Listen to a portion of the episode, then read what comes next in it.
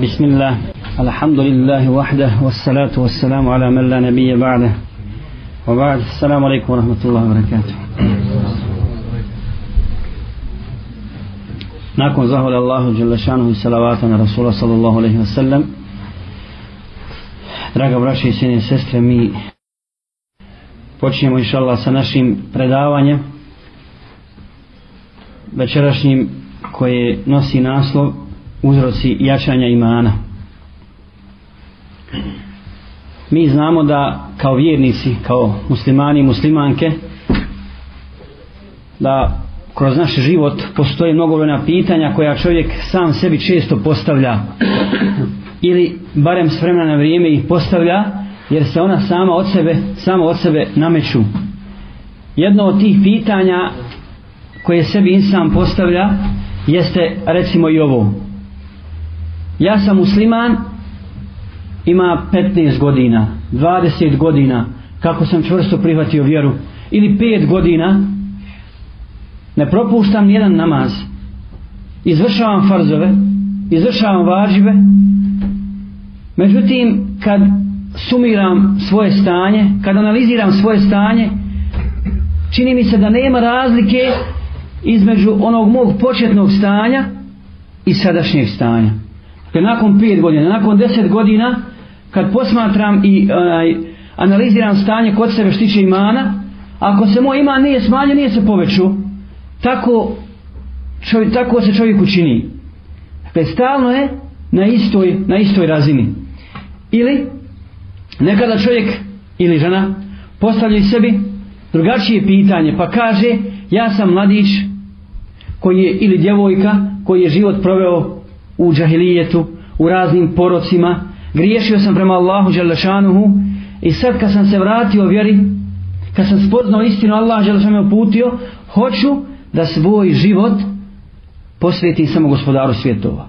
Hoću da nadoknadim ono što sam propustio. Jer čo, duša kad prihvati istinu, onda čovjek sam sebe korije gdje sam bio, šta sam radio, u što sam potrošio svoju mladost, koliko sam samo griješio prema gospodaru svjetova i onda se trudi i želi da nadoknadi sve što je propustio.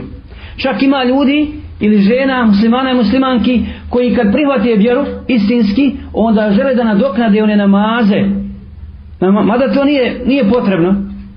Nije potrebno jer poslanik sallallahu alaihi sallam u jednom hadisu kaže kada Amr ibn As kada Amr ibn As došao poslanik sallallahu da mu da beju pa je poslanik sallallahu pružio svoju ruku Amr ibn As je povukao svoju ruku pa kaže šta je to omre, zbog čega povlačiš ruku kaže ja Rasulallah hoću da postavim šart Pa je kakav koji je šart pa je da mi bude oprošteno ono što je bilo prije pa kaže poslanik sallam, uči umet jednoj velikoj stvari Nije rekao samo Amru, Amre oprošteno ti je.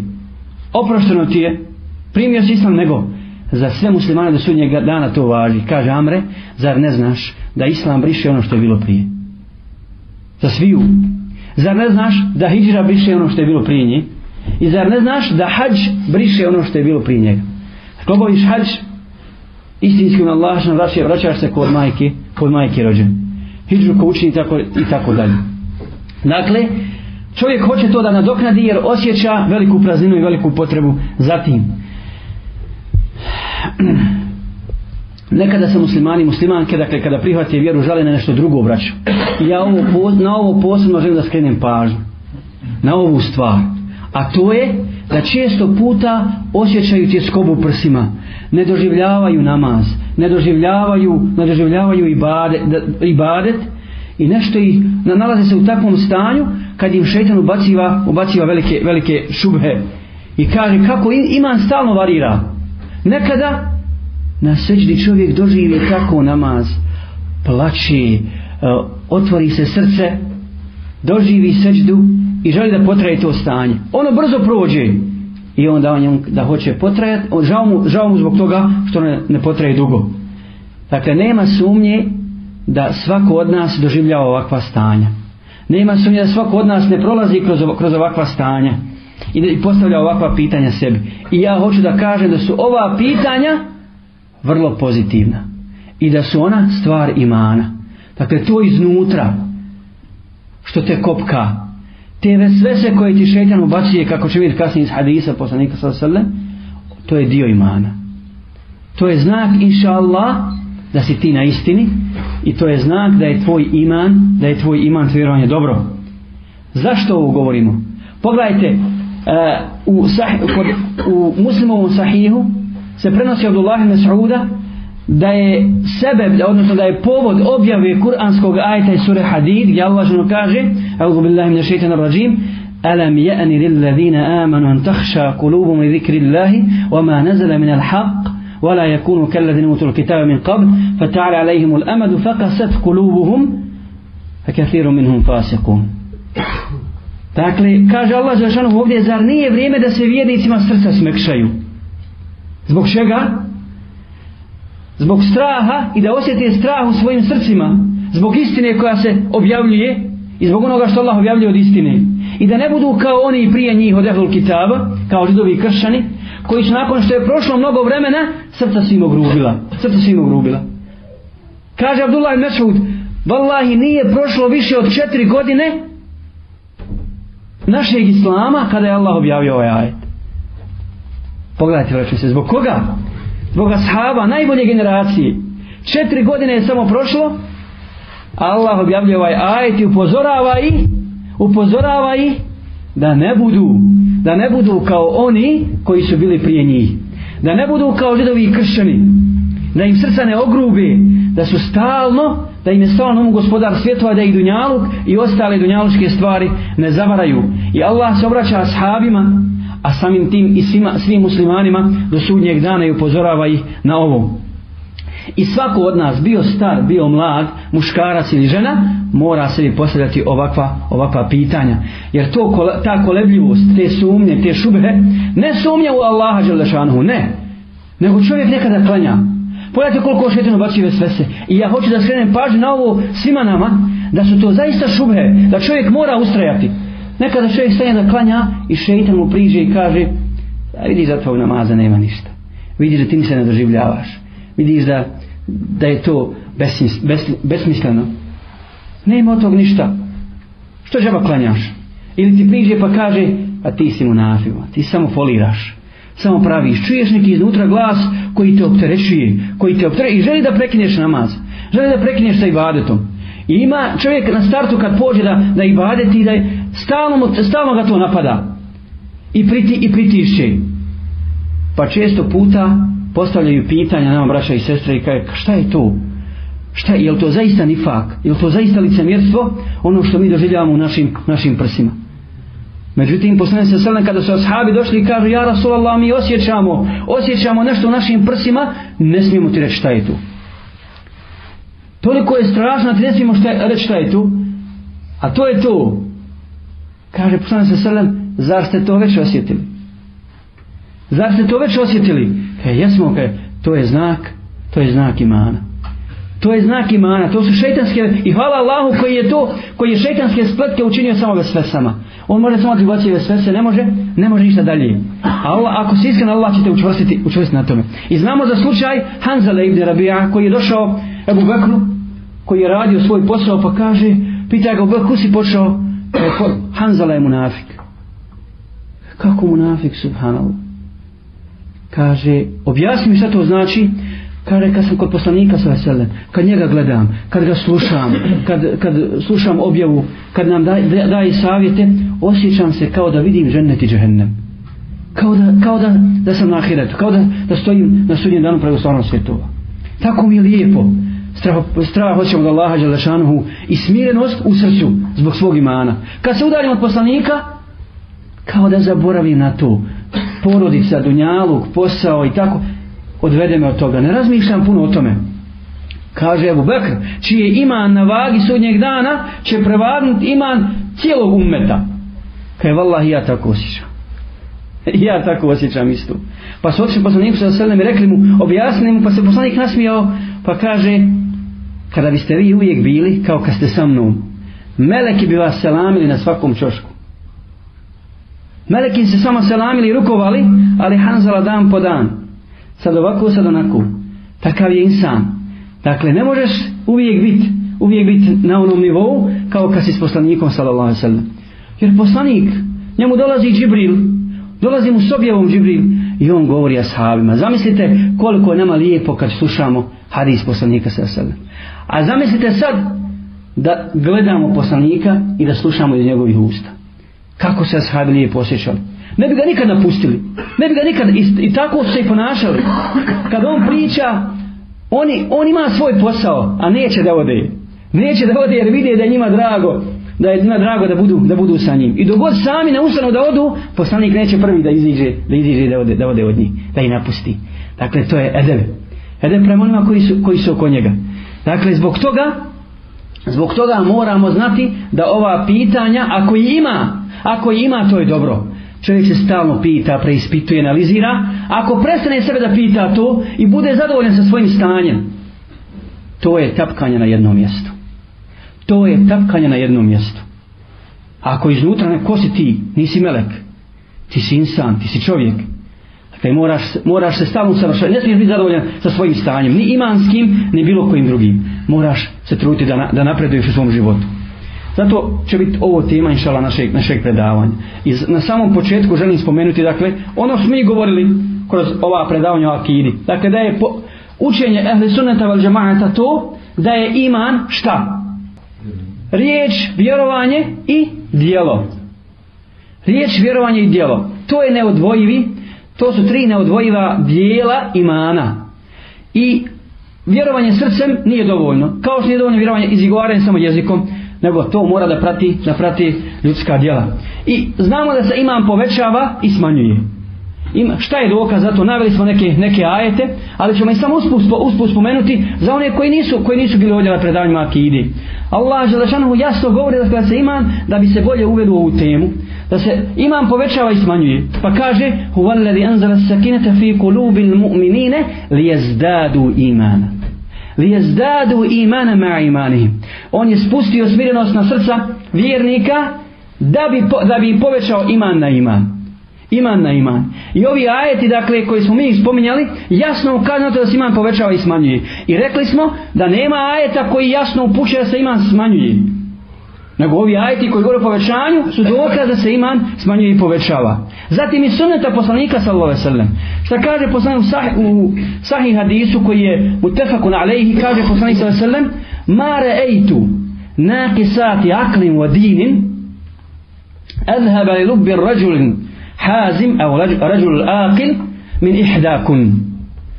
Obraća se ženama, poslanik sallallahu alejhi ve sellem i kaže, nisam ništa vidio krnjavije, ni pameti, ni vjere, a da zavede i najpametnijeg muškarca kao jedna od vas. Kao jedna od vas. Šta poslanik sa, je li poslanik sa selem želio da uvredi žene? Ne. Ne. Nego ova krnjavost u čemu se ogleda?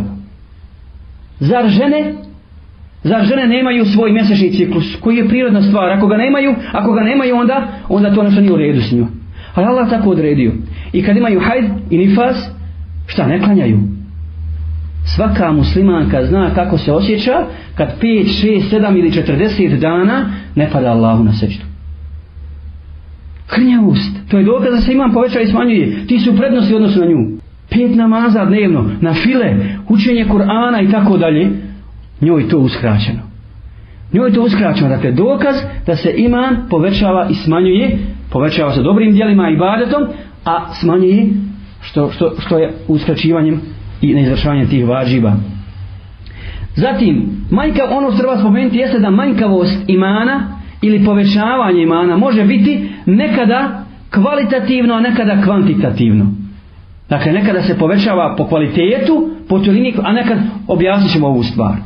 Na primjer, kada je reč o kvalitetu, im, odnosno ono što povećava naš jekin, naše ubjeđenje, neko od nas, mi smo svi recimo kao djeca, čuli da postoji neka država tamo.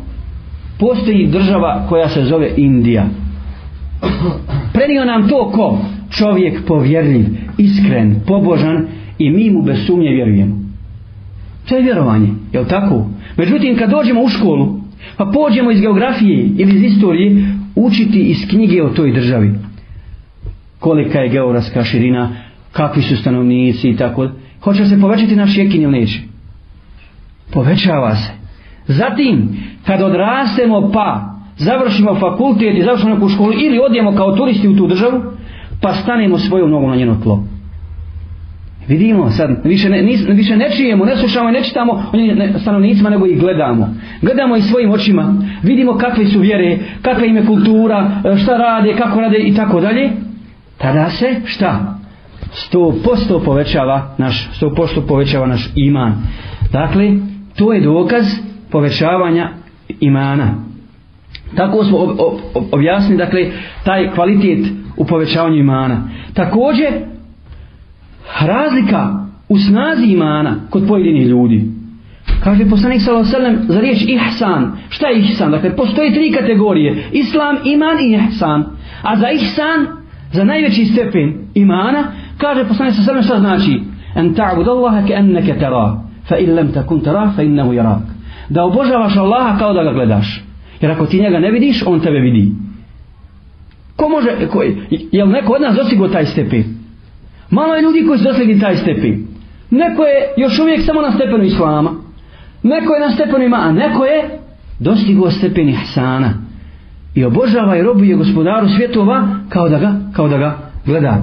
Tako bilježi Ibn Abi Šejbe od Abdullah ibn Sa'uda da je rekao Resul sallallahu alaihi sallam zaista je Ammar ibn Jasir ispunjen imanom do grla. Dakle, poslanik sam se govori za Ammara zaista je Amar pun imana ispunjen imanom do grla i ovo je dokaz da kada čovjek može postići takav takav stepen imana za razliku od nekih drugih ima se također povećava kvantitativno zato Allah što kaže ve idha ma unzilat suratun kada se objavi kada se objavi neki ajet fa minhum man yaqulu ayyukum zadatu hadhihi imana ima oni koji kažu kome ova sura povećala iman Pa kaže Allah fa amma alladhina amanu fazadatuhum imana wa hum yastabshirun. Što se tiče vjernika, njima ona povećala iman. Dakle kad god vjernik sazna za novi ajet, za novi propis i on ga izvršava, povećava mu se iman. Kad čuje za novi hadis, tako je kod nas stanje. Dakle, zbog toga o ovome govorimo, jer mi svi to doživljavamo i svi to, i svi to osjećamo. Zato nas Allah Đelešanovu poučava da svakodnevno na namazu učimo šta? Koliko puta mi danas u namazu učimo ajet 1. Ihdina siratal mustaqim. Uputi nas na pravi put. Međutim, malo je ljudi koji razmišljaju o smislu ovoga ajeta. O njegovom značaju. I malo ljudi koji razmišljaju istinski o tom pravom putu. Šta je to pravi put? Kakav je to pravi put? Šta je to, šta je to uputa? I da li je neko nekad od nas sebe upitao zašto mi stalno po, u, u taj ajet izgovaramo? Zašto učimo tu dovu? Zar mi nismo muslimani? Zar nas Allah nije uputio?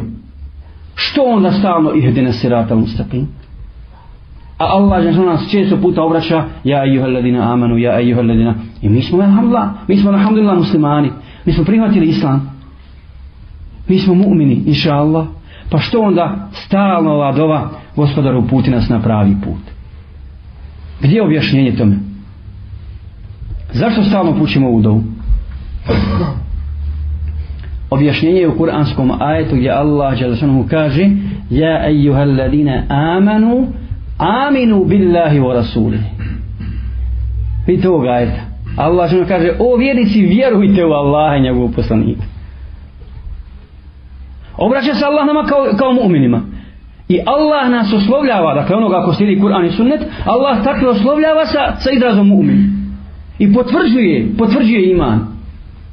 Pa onda kaže, aminu billahi wa rasuli. Vjerujte u Allaha i poslanika. Znači li to da vjerujemo? Vjerujemo. Svakako vjerujem. Ali ovo je dokaz da iman ima svoje stepene. Da iman ima svoje stepene. I što čovjek više ibadeti i više radi dobra djela, više mu se povećava, povećava iman. I vrhunac imana, krov imana, ne može dostići čovjek dok je živ osim poslanika alaihimu salatu ne može čovjek dostići običan čovjek zašto? kad bi ne znam koliko ibadetio kad bi ne znam koliko dobra činio možete li zamisliti čovjeka bio muško bio žensko da je potpuno shvatio istinu i posvijetio se ibadetu a da nikad neće pogriješiti u životu nema šanse dakle pogriješi i kad doživi taj pad taj pad on se iman smanjuje ako nekad jer nisi ti uvijek isto raspoložen za ibadet čak ni za farzove, kamoli za nafilu. Nisu uvijek isto raspoložen za post. Nekada ti, nekada ti Allah otvori srce pa stalno bi postio i na filu, a kamol farz. A nekada se dođe vrijeme pa nema se vakta, nema se vremena i nekad čovjek klanja recimo duha namaz. Nikad ga ne propušta. Svako jutro, a nekad opet zareda pa ga ne klanja po mjesec, po mjesec dana. Dakle, to je dokaz da postoje stepeni, stepeni mani raznorazna stanja kod čovjeka. Zato kaže ashab Abu Darda dovu pući Allahu za ženu i kaže Allahumma inni es'aluke imanen daiman wa ilman nafi'an. Gospodaru ja te molim da mi podariš stalni iman.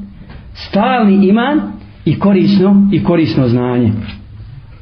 Dakle ova stalnost i, va, i, uh, je bitna kad je u pitanju iman. Jer nekada čovjek dostigne stepen imana tako kako kaže poslanik sallallahu alejhi ahadakum la inna ahadakum la ya'malu بعمل من أهل الجنة حتى ما يكون بينه وبينها إلا ذراع فيسبق عليه الكتاب فيعمل بعمل من أهل من أهل النار فيدخلها Neko od vas radi dijelo stanovnika dženneta, sve dok između njega i dženneta ne bude kolik pedalj. Pa ga pretekne knjiga i uradi dijelo stanovnika džehennema i uđe u džehennem. I obrnuto, neko od vas radi dijelo stanovnika džehennema, stalno. Vidimo čovjeka griješnik, veliki griješnik, radi na kraju uradi djelo, pretekne ga knjiga, uradi djelo stanovnika dženneta i uđe u džennet. Dakle, ovo zavisi od našeg, ona, rekli smo, ovo zavisi od našeg nijeta, od naše iskrenosti prema Allahu. Da spominjali smo šta je dokaz za ovo, šta je komentar za ovaj hadis. Dakle, dva slučaja. Čovjek, čovjek borac koji se borio, ubijao mušike, ubijao i na kraju, kad su rekli da je on dobar borac, da je muđahi, da je inšallah u džennetu, kaže poslane selem on je u džennemu. Zašto? Na kraju bitke je bio ranjen, bio je ranjen, i nije mogu izdržati sam sebe, sam sebe ubio. Pa radi djela sam neka dženeta, borio se u džihadu i ubio na kraju sam sebe. Ili drugi koji je izišao, izišao da se bori protiv poslanika sa veselem, pa je prim kad je vidio muslimane, kad je vidio muslimane u bitci na Uhudu, da su tako čvrsti, jaki, stabilni, primio je islam i biva ubijen u toj bitci od mušlika, biva ranjen, Pa su prišli i kažu šta je s tobom? Zar ti nisi s nama izišao da se boriš protiv muslimana? Kaj vallah ja sam primio islam i poselamite poslanika i recite mu da, ne, da ja svjedočim da nema Boga osim Allaha i da je Muhammed njegov rob i njegov poslanik. Pa kada je došao vijest do poslanika sa sve kaže zaista je malo radio, puno dobio. Malo radio, puno dobio. Dakle, radio sam nikad, dijelo sam nikad džehennema i na kraju, na kraju ulazi u džennet. Dakle, to je dokaz da čovjek ne može dostići vrhunac imana u svome životu. Dakle, ovaj nemir o kome, o kome govorimo, treba da bude stalno prisutan kod nas i ova pitanja stalno se moramo da, postav, da postavljamo i ne smijemo se zadovoljiti s našim stanjem. Tako su pitali ljudi Abdullah ibn Mubaraka. Čuli ste za njega? Poznati muhaddis, faqih, muđahid. Kaže, stalno je učio hadise, stalno prenosio, činio davu i uvijek se družio s knjigama. Uvijek se družio s knjigama.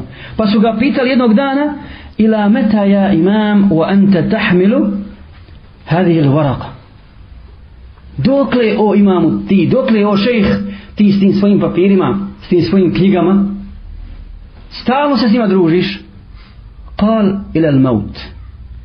Kaže do smrti. Do smrti. Nikad, nikad čovjek ne treba da, da bude zadovoljan sa samim sobom, stalno treba da povećava svoj iman. Jer čovjek nekada uči Kur'an. Ako ste primijetili kad čitate samo prijevod Kur'ana, nekada neki ajeti zapnu vam za oko. I pogodete, raznježiti srce, a neki ajet, to što ne, obrat, ne obratiš pažnju na njega. Drugi put kad čitaš Kur'an, onaj ajet na koji nisi obratio pažnju, on te se dojmi. On te se dojmi. Zašto? Zato što Kur'an ne djeluje uvijek na sva osjećanja odjednom zavisno od tvoje situacije, od, tvog, od tvoje kontrole na samim sobom, od tvoje pažnje i tako dalje. Jedan učenjak, naš savremeni, kaže da su jedan put sjedili oni u halki, učili su Kur'an. Učili su Kur'an i sad se desilo. Čovjek koji nije bio u halki, koji nije bio u halki, sjedio je van halke, mi smo učili Kur'an i došli smo do ajeta, afa min hadha hadithi ta'jabun, wa tadhakuna, wa la tabkun zar se ovom govoru iščuđavate i smijete se, a ne plaćete. I kaj, kad smo to učili, vidjeli smo čovjek je pao tamo u nesvijest, koji nije bio tu prisutan. Nije bio samo u halki. A mi ništa. Kao da ne učimo Kur'an. Nismo to, nismo to doživjeli, nismo to osjetili. A njega je to pogodilo. razmišlja o tom, Kur'an, o tom kuranskom ajetu, toliko ga je pogodio da je pao u nesvijest. Zbog veličine poruke tog ajeta. I ne samo to, nego mušrici, kad su čuli ovaj ajet, kad su čuli ovaj ajet od poslanika sa selam i sure Neđm, kad im je on citirao ovaj ajet, Efa min hada hadithi ta'đabun, wa tadhakuna wa la tabkun, svi su pali na seđu. I među njima je bio jedan čovjek koji je bio nepokretan. Nepokretan. Nije mogao da učini seždu. Uzao je zemlje pa je učinio seždu na, na, svojim, na, na, na, na svojim rukama. Mušnik. Dakle, u tom trenutku Kur'an djeluje na njih. Allahova riječ. Tako da su muslimani u Abesini čuli da su mušici prihvatili svi islam i vraćaju se nazad. Pa, ali to je bio samo jedan trenutak. Samo i, vra, i nije, nije bilo tako. Dakle, dojmio se Kur'an. Dojmio se Kur'an. I znamo za mnoge slučajeve, mnoge slučajeve, recimo kao što je slučaj Omera radijallahu ta'ala, kad bi razboli bi se po mjesec dana, ne bi izići iz kuće razmišljali o svom stanju, kad bi čuo neke kuranske ajete. A nekada se to sa im nije dešavalo. Nego to je period, period kad čovjek istinski razmišlja, dakle kad naiđe taj, taj val, taj period, kada je čovjek potpuno prisutan i samo se posveti razmišljanju o ahiretu. Dakle, stvarnost, vrhunac i suštinu imana čovjek ne može dostići. Osim onih ima nekih sufijskih sekti koji kažu da čovjek može postići vrhunac imana da čovjek može kad i tumače kuranski ajet pa kažu i kaže va'bud rabbeke hatta atijeke li yakin obožavaj svoga gospodara kad dođe yakin kad, kad ti dođe yakin šta to tako, tako oni tumače? Kad ti dođe yakin kad se potpuno ubijediš da nema ovoga Allaha onda za tebe pa, spada obaveza i namaza i posta i zekata ne trebaš ništa raditi. Međutim ovaj ajet ne znači to ni blizu da su da imalo razmišljali svojim mozgovima i da se obrate na Kur'an da se obrat, vidjeli bi šta znači to jakin ovdje jakin znači maut znači smrt. Ja Allah što govori poslanik sa svim muslimanima, svim mu'minima, obožavaj Allaha dok ti ne dođe smrt. Dakle, nek tvoj završetak bude dobar. Ka, šta je dokaz da, da, da ovo znači smrt? U suri, u kojoj u suri Mudathir Allah Đelešanohu kad govori o džennetlijama, kad Allah pokaže džennemlije džennetlijama, pa i vidi kako se pati u vatri, reći će im masa lakekum fi sakar. Šta vas je dovelo u sakar? Šta vas je dovelo u vatru? قالوا لم نكن من المصلين ولم نكن نطعم المسكين وكنا نخوض مع الخائضين وكنا نكذب بيوم الدين حتى أتانا اليقين. Reći će džehennemlije, šta, nismo klanjali, nismo davali sadaku siro, sirotinji, u besposle s besposčarama upuštali i poricali smo sudnji dan hatta je tanel jekin, dok nam nije došao jekin. Šta to znači? Džehennemlijama došao jekin i sad u džehennemu zbog toga što, što ne jekin. Ne, nego poricali su oni nam dok ni smrt nije došla. Dok je mi došla, dok je mi došla smrt. Postoje, braćo i sestre, mnogobrojna sredstva. Mi smo rekli da dakle, sredstva koje, u koja, koja povećavaju iman i učvršćuju iman. Mi ćemo spomenuti samo neka sredstva večeras. Jedno od najvažnijih sredstava za povećanje imana jeste upotreba razuma. Upotreba razuma. I to je Allah, Allah Đalešanuhu nam govori o vrijednosti razuma u Kur'anu kao nijemeta, kao blagodati od Allaha Đalešanu kao blagodat. Zato poslanik sa sve ne kaže šta? Pero je podignuto. Pero je podignuto. Ne piše dijela kome? Budali. Onaj ko nema, ko, ko je lud, ko nema pameti, njemu se ne pišu dijela. Ni dobra ni loša. Zašto? Jer nema to kvaliteta. Nema to kvaliteta razuma i svijesti inteligencije koje Allah ženu podario ljudima da bi spoznali svoga gospodara da bi spoznali istinu i da bi samo gospodaru svjetova robovali da bi samo njemu na seždu padali. Znači o čemu razmišlja jedan muslima i musliman? Prije svega razmišlja o stvaranju nebesa i zemlje. Razmišlja o ajetima i znakovima Allahove moći i veličini Wallahi kud god da se okreniš kod god da se okreniš, pogledaj kosmos, pogledaj nebo i njegova sazvježja, pogledaj zemlju i sva bića na zemlji, pogledaj čovjeka kako ga je Allah savršeno stvorio i taj red, red i savršenstvo i harmonija koja vlada u prirodi. Subhanallah, zar to nije dokaz o veličini gospodara svjetova? Dakle, zato se prenosi na predaj od, od eh, Rasula sallallahu alaihi ve sellem, da je, da je jedno večer poslanik sa selem ustao i klanjao namaz dugo i plakao pa ga je pitao Ebu Hureyra radijallahu anhu zašto plačeš ja Rasulallah Kaj noća su mi objavljeni ajeti. I teško onome koji bude učio, a ne bude razmišljao o njima. Teško onome koji bude učio, a ne bude razmišljao o njima. Kaj, koji su to ajeti, ja Rasulullah, kaj to su ajeti sure Ali Imran, inne fi khalqis samawati wal ardi wa ihtilafi al-layli wan nahari la ayatin li ulil albab zaista u stvaranju nebesa i zemlje u smjeni dana i noći su dokazi za ulul albab za one koji imaju pamet koji imaju razum koji imaju razum. Dakle čovjek mora iskoristiti svoj razum. Sigurno ako ga pravilno iskoristi doći do spoznaje svoga gospodara. A posebno ako ako, ako ga razum dovede do toga da čita Kur'an i hadis poslanika sallallahu jer je objava od Allaha u sukladnosti sa, sa zdravim razumom ako je, ako je on zdrav dakle o tome čovjek mora zatim da čovjek razmišlja o svome stanju o svome, o svome stanju o svojim grijesima o svojim grijesima koliko je griješio prema Allahu kad bi čovjek svako od nas analizirao svoj život svakodnevno jer kad bi ti došao ne znam kakav čovjek tvoj najbolji drug, najbolji prijatelj, majka, otac, nije bitno ko je. I upozorio te na neke tvoje greške. Čovjek je takav, ne bi mu puno vjerovao. Ili, ili bi našao neki izlaz, rekao bi, ma daj, nije tačno to, ti si pristrasan, to je pretjerano, e, nije to tako kod mene i tako da. Međutim, nema ništa bolje ko kad čovjek ima snage da pogleda sam sebi u oči. Da se suoči sa svojim stanjem. Pa analizira svoj život pet, ne mora, ne mora puno, pet minuta. Pet minuta svaki dan sjedne i razmišlja o sebi. Koliko je danas uradio dobra, a koliko grijeha.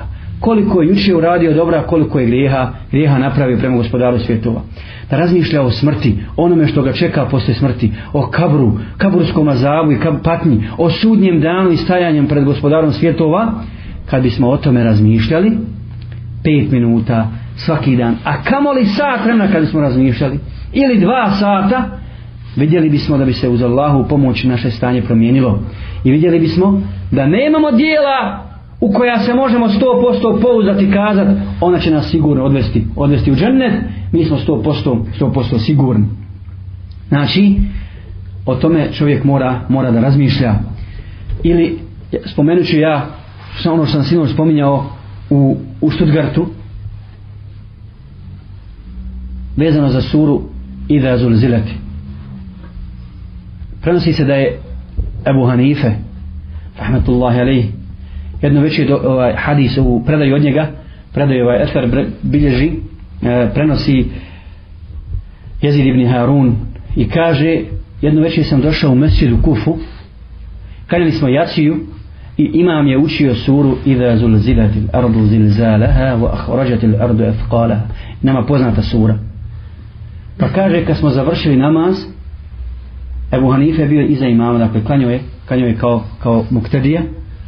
I ljudi su izlazili ja sam u njega pogledao i vidio sam kako je oborene glave uzdiše i razmišlja o ovim ajetima. I kada svi su ljudi izišli samo je on ostao. Samo je on ostao. Nakon toga nakon toga ja sam otišao da, da mu ne smeta. I kad sam ujutro došao na sabah zatekao sam ga u istom položaju.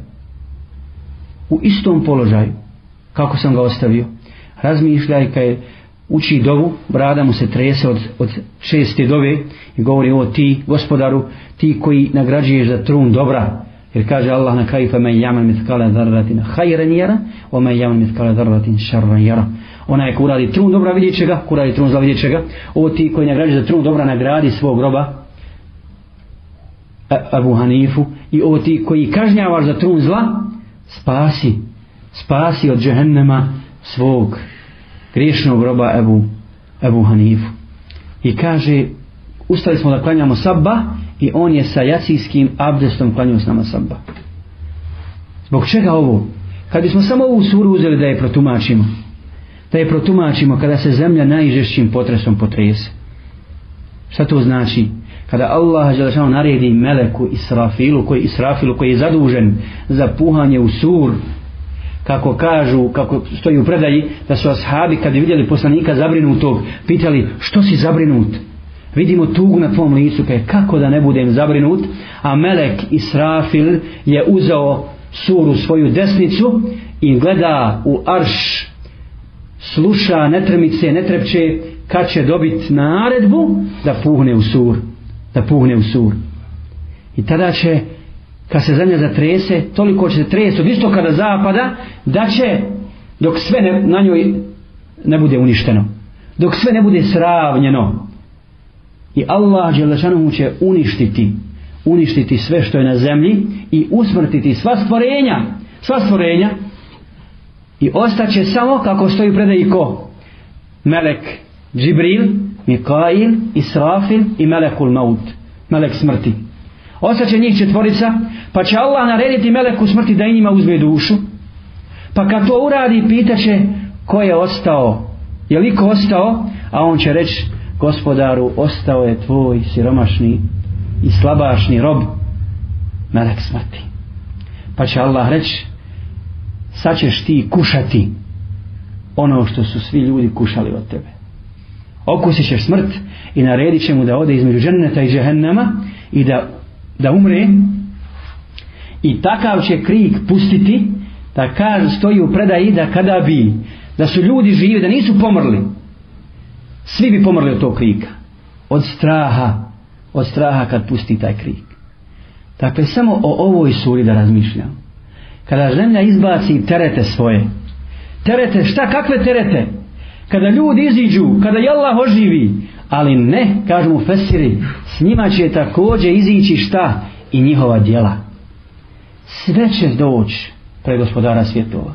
Sve što si uradio i malo i veliko i dobro i loše djelo ništa neće se moći sakriti i tada će čovjek biti u velikom strahu. Bit će iznenađen, prestravljen zbog onoga što ga čeka. Zbog onoga što ga čeka. I kada, a doće, doće iznenada sudnji dan iznenada. Čovjek priča sa svojim prijateljem priča mu i kaj dragi brat neće završiti svoju riječ nastupit će sudnji dan. Neće završiti. Ovaj će pit vodu drugi i neće uspjeti da je doće do usta nastupit će sudnji dan. Ili će u trgo ljudi pogledajte kako bezbrižno živi. Na pijacama, na trgovima, po kafanama, smiju se, orgijaju i tako dalje. I vallahi, nikako drugačije, ja sebi ne mogu predstaviti sudnji dan nego kad su ljudi tako, u takvom stanju, bezbrižni. Ali vjernik razmišlja o tom, čim iziđe na pijacu? Ne može ga zavesti to. Ne, nego odmah se sjeti ovih ajeta. Sjeti se ovih ajeta gdje Allah Želešanu kaže doći će vam smrt iznenada. Sudnji dan će doći iznenada. I zamišljam odmah to strah uhvati čovjeka. Može doći ovog trenutka. Može se sad desiti. Mi ne znamo kad će se desiti. Dakle, čovjek vjernik mora o tim stvarima razmišljati i to je ono što ga drži. Što ga drži i učvršćuje u njegovom, u njegovom vjerovanju. Zatim zikr.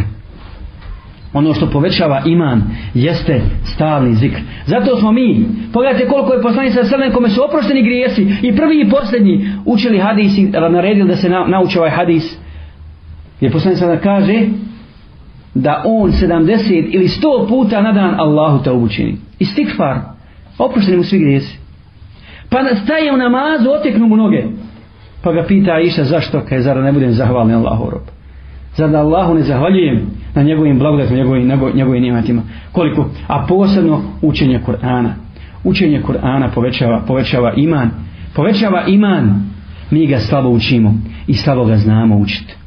Žalosno je, braćo i sestre, da mnogi naši muslimani, bošnjaci i vi koji ovdje radite slabo poznajete teđvide. slabo se poznaje Kur'an a kako će čovjek osjećat slast imana? Osjećat slast seđde i namaza ako ne zna pravilno učiti Kur'an? Ako ne zna teđvid? Ako ne zna lijepo učiti Kur'an?